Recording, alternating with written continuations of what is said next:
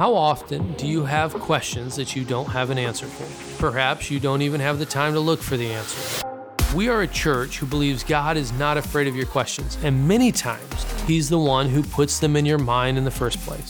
This podcast, like our church, is designed to help answer those questions, hear the perspectives of others, and create a space in which we can live, move, and be together.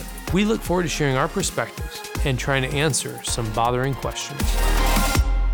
This is series A Letter to Wilanów, and today's question is How do we regain passion after we've lost it?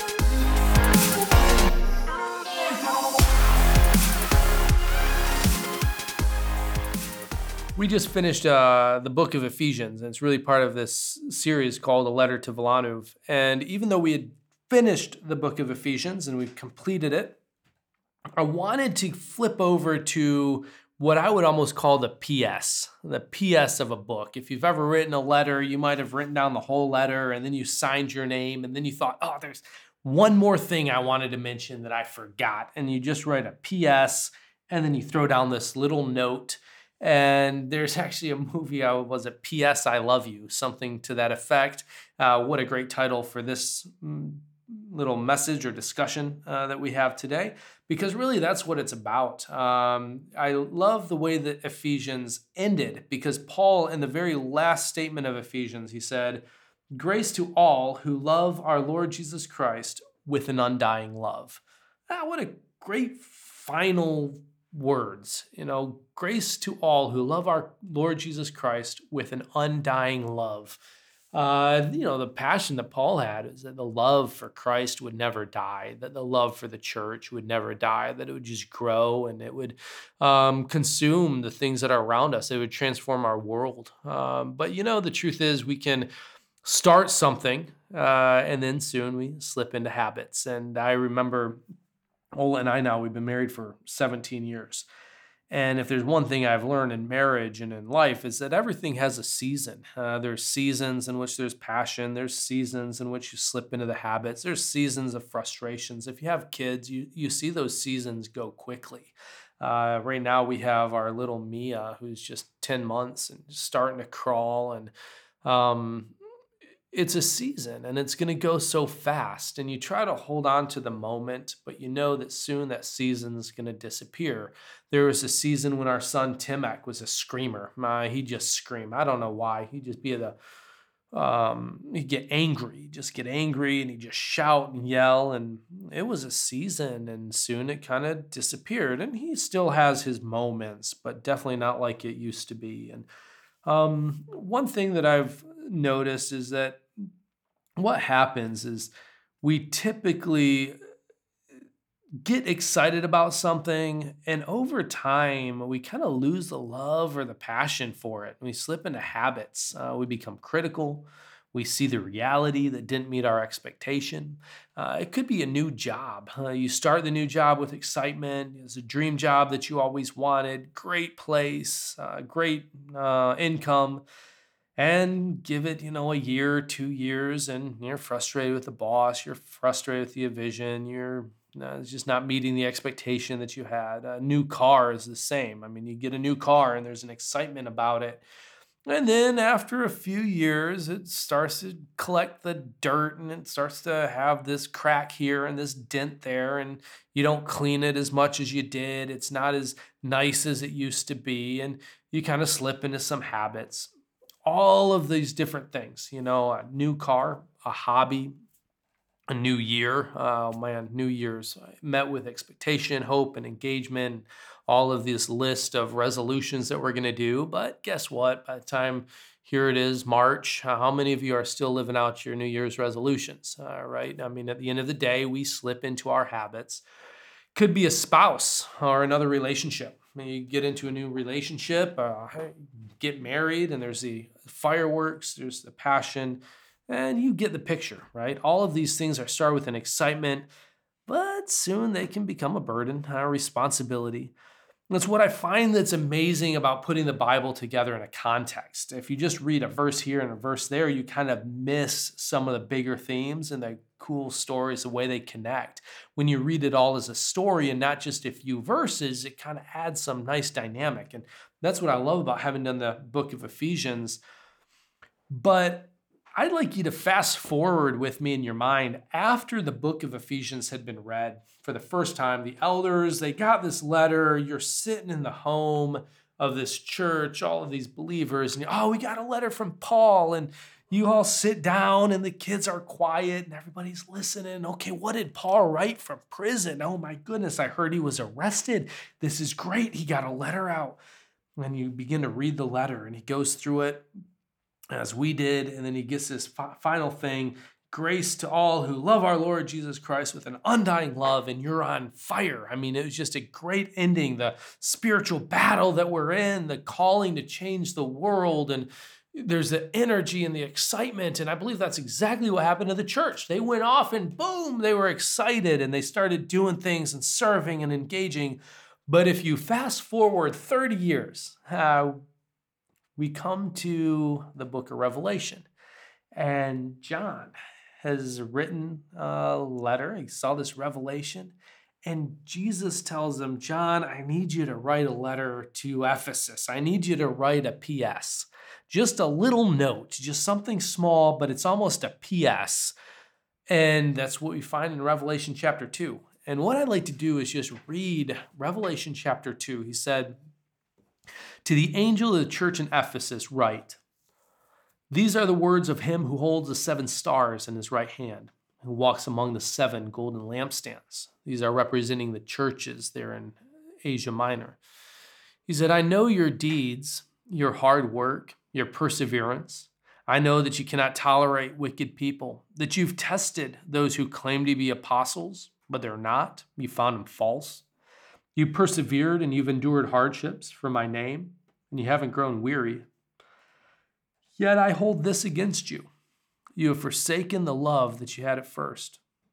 Consider how far you've fallen. Repent and do the things that you did at first. If you do not repent, I'll come and I'll remove your lampstand from its place. But you have this in your favor. You hate the practice of the Nicolaitans, which I also hate. Whoever has an ear to hear, let him hear what the Spirit says to the churches.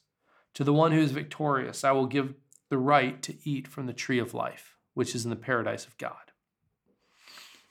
This little PS that gets tagged on almost to the end of the letter to the Ephesians, and it's just Christ talking to them, uh, watching them, seeing the influence that they've had. Uh, and I, I like how he does it.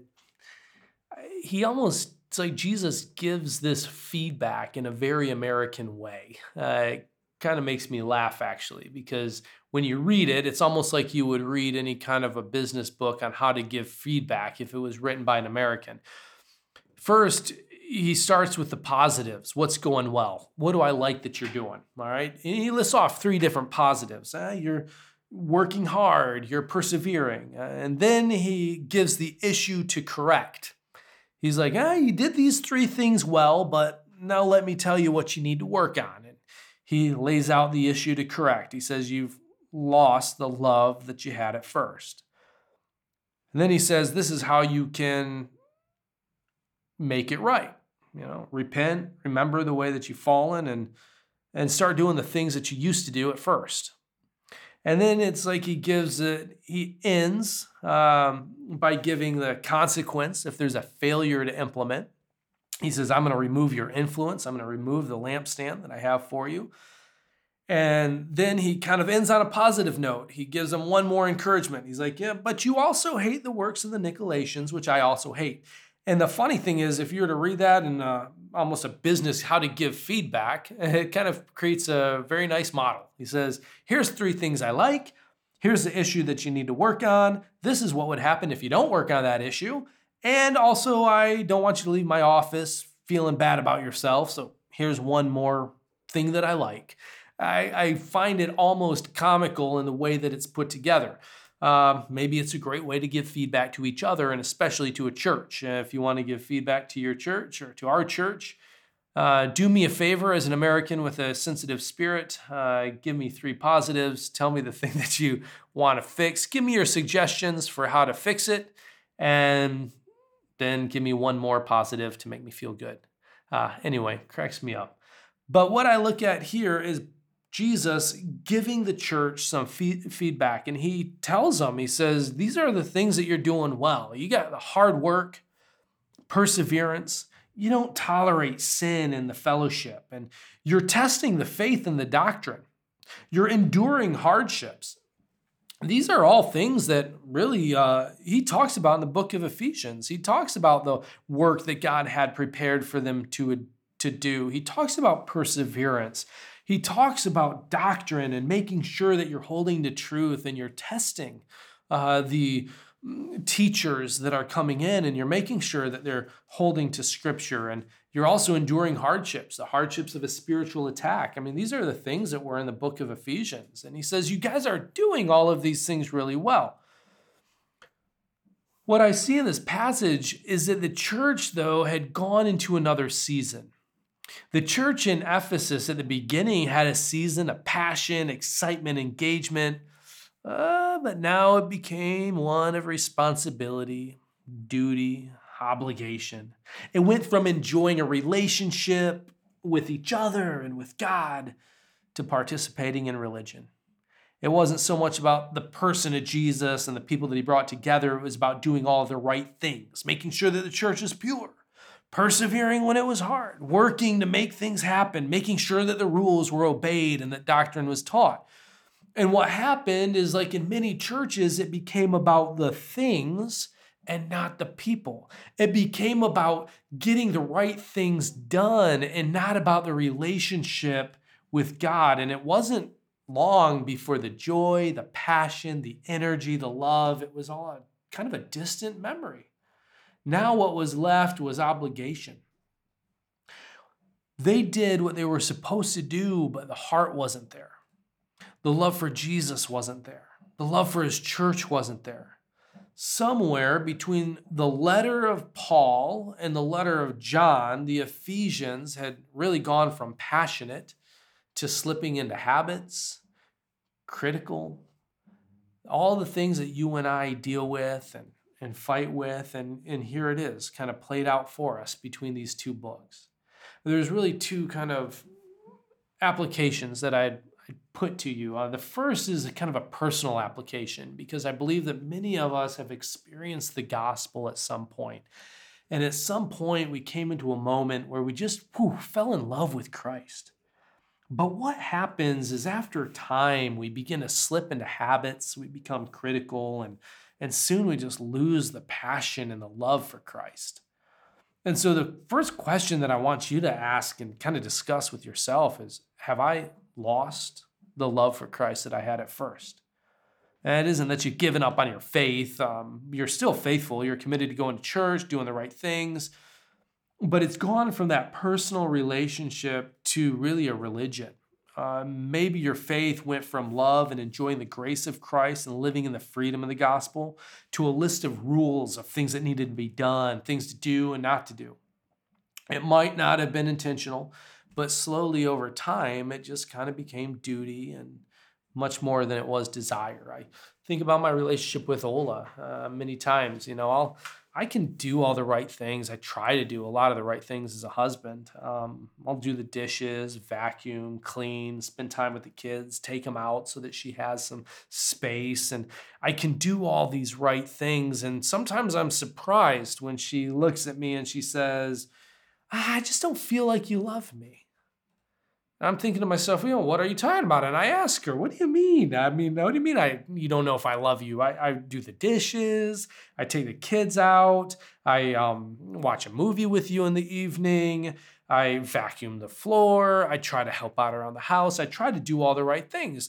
What do you mean you don't know if I love? Well, it's the way that you look at me. It's your desire to spend time with me. It's just you're wanting to just have a coffee and just talk and And I see that what she's looking for is that deeper, that relational connection, not the things of checking off a list that makes me a good husband. And I think what happens in our faith is we create this list, you know, like little Pharisees. We create a list and we say, okay, I need to do all of these things in order to be a good Christian. But God looks at your list and he says, oh, you know, you've done this and you've done that and you did this, but I don't know if you really love me. I don't know if you just really enjoy spending time with me, just sitting there and listening to my heart, asking me questions and um, reading from my word. And I just feel like you've kind of lost the love. And so, what I'd like to challenge you is have you lost the love on a personal side? Has your faith become a religion? I need you to understand that Christ did not die for a religion. Christ did not die to give the world one more religion.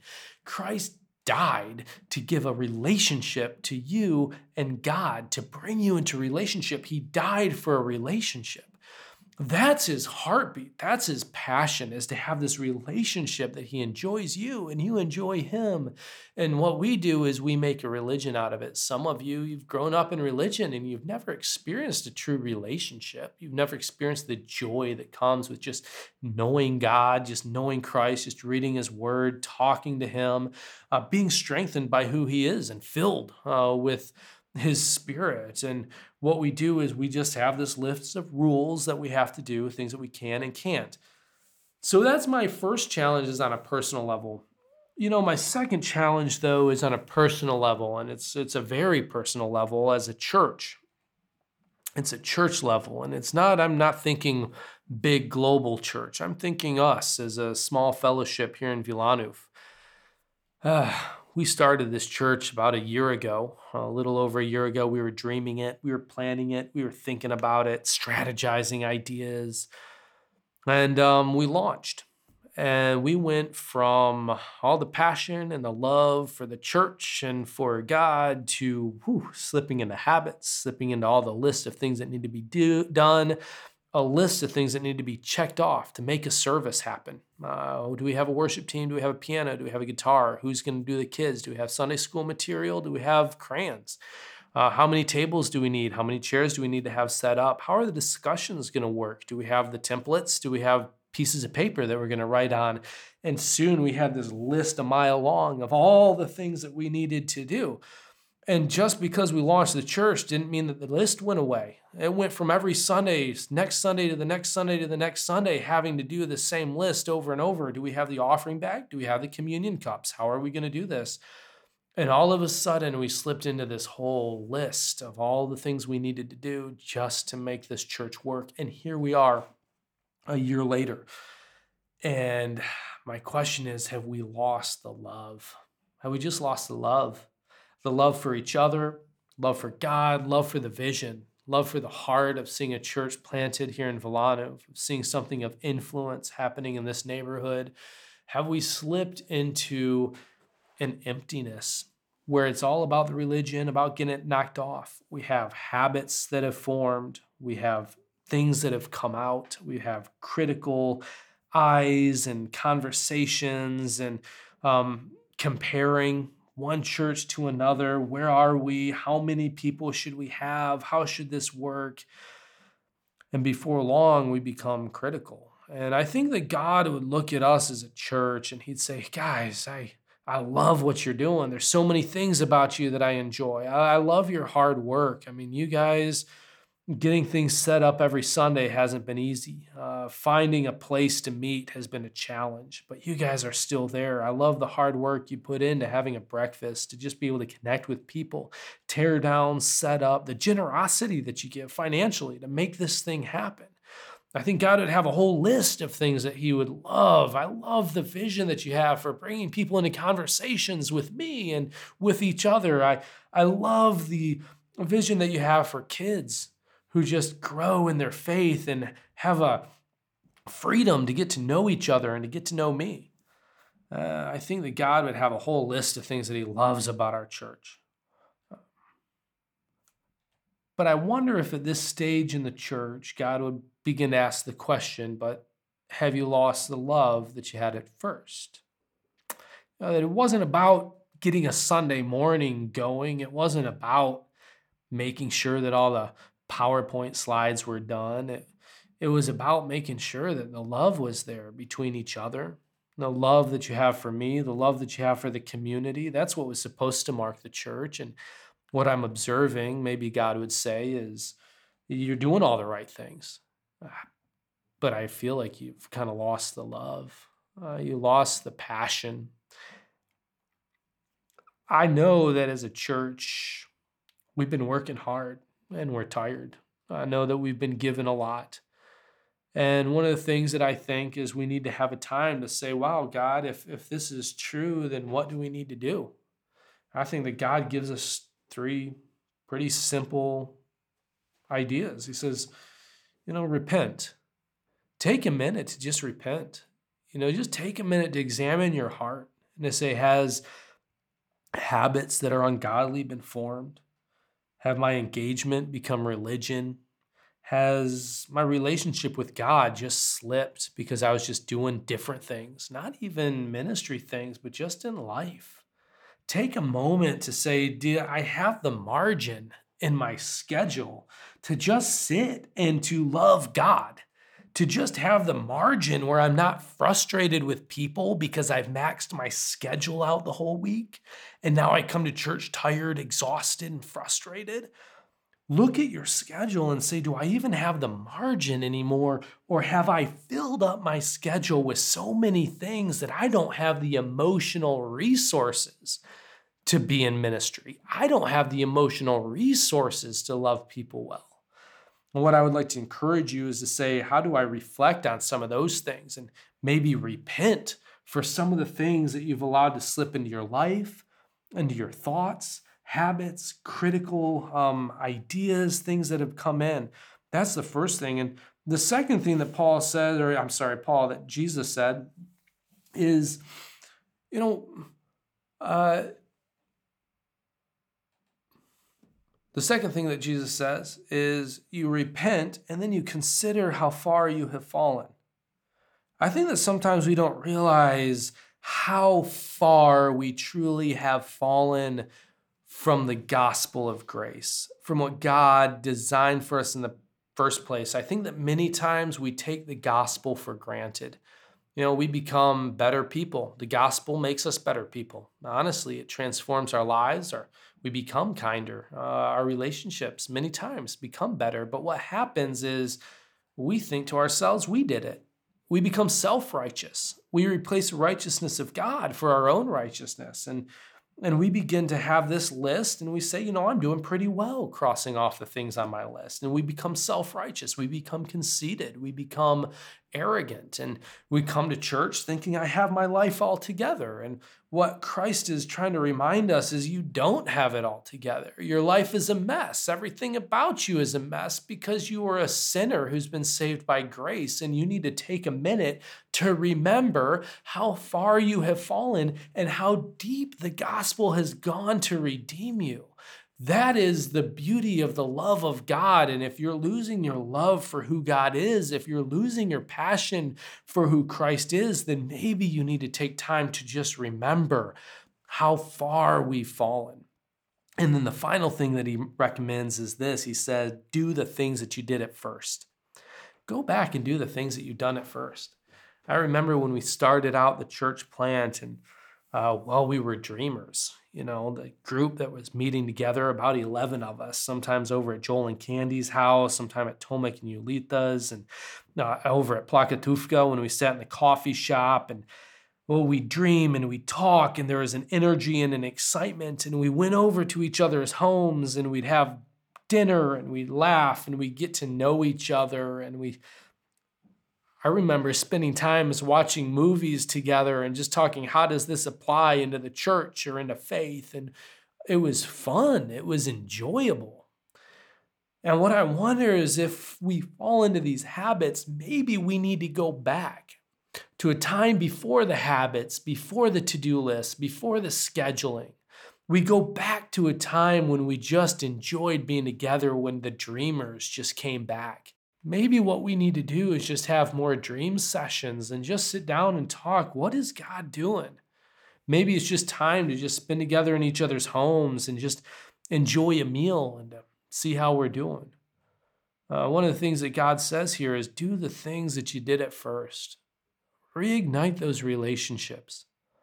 Listen, I am you know, amazed at the work that you've done in our church, uh, the work that you've done in this community. And you did it because you had a passion to see a church in Wilanów, because you wanted to see people transformed by the gospel. And but at the same time, I also know that it's not been easy and that we've gotten tired and that life has come and it's thrown us some big challenges. And some of us have moved into being irrelevant and ineffective uh, for the gospel. And others have persevered and engaged and pushed hard. And what I'd like to do is just challenge you to really begin to process and think, you know, how do I personally and as a church, how do we regain that love for Christ? And that really is the discussion and the final part of this whole series, a letter to Wilanów, this little PS. I just love that little title, PS, I love you. I think that's what God would simply say. God loves you. What he's looking for is you to just enjoy your love with him and your relationship. So, hey, blessings to you. And thank you for being a part of this podcast and this discussion. We'll see you on Sunday, uh, where we'll finish off this message and this series, and then we get into a brand new one. So, blessings to you and have a wonderful week.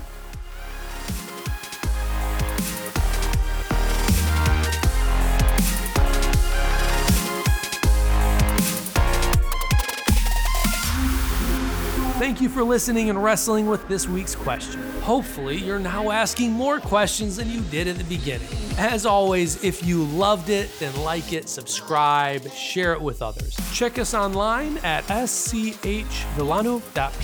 We would love to have you join us on Sunday mornings at 9:30 to go deeper with this question and to share your own perspectives. So live, move, and be, and never stop sharing your bothering questions.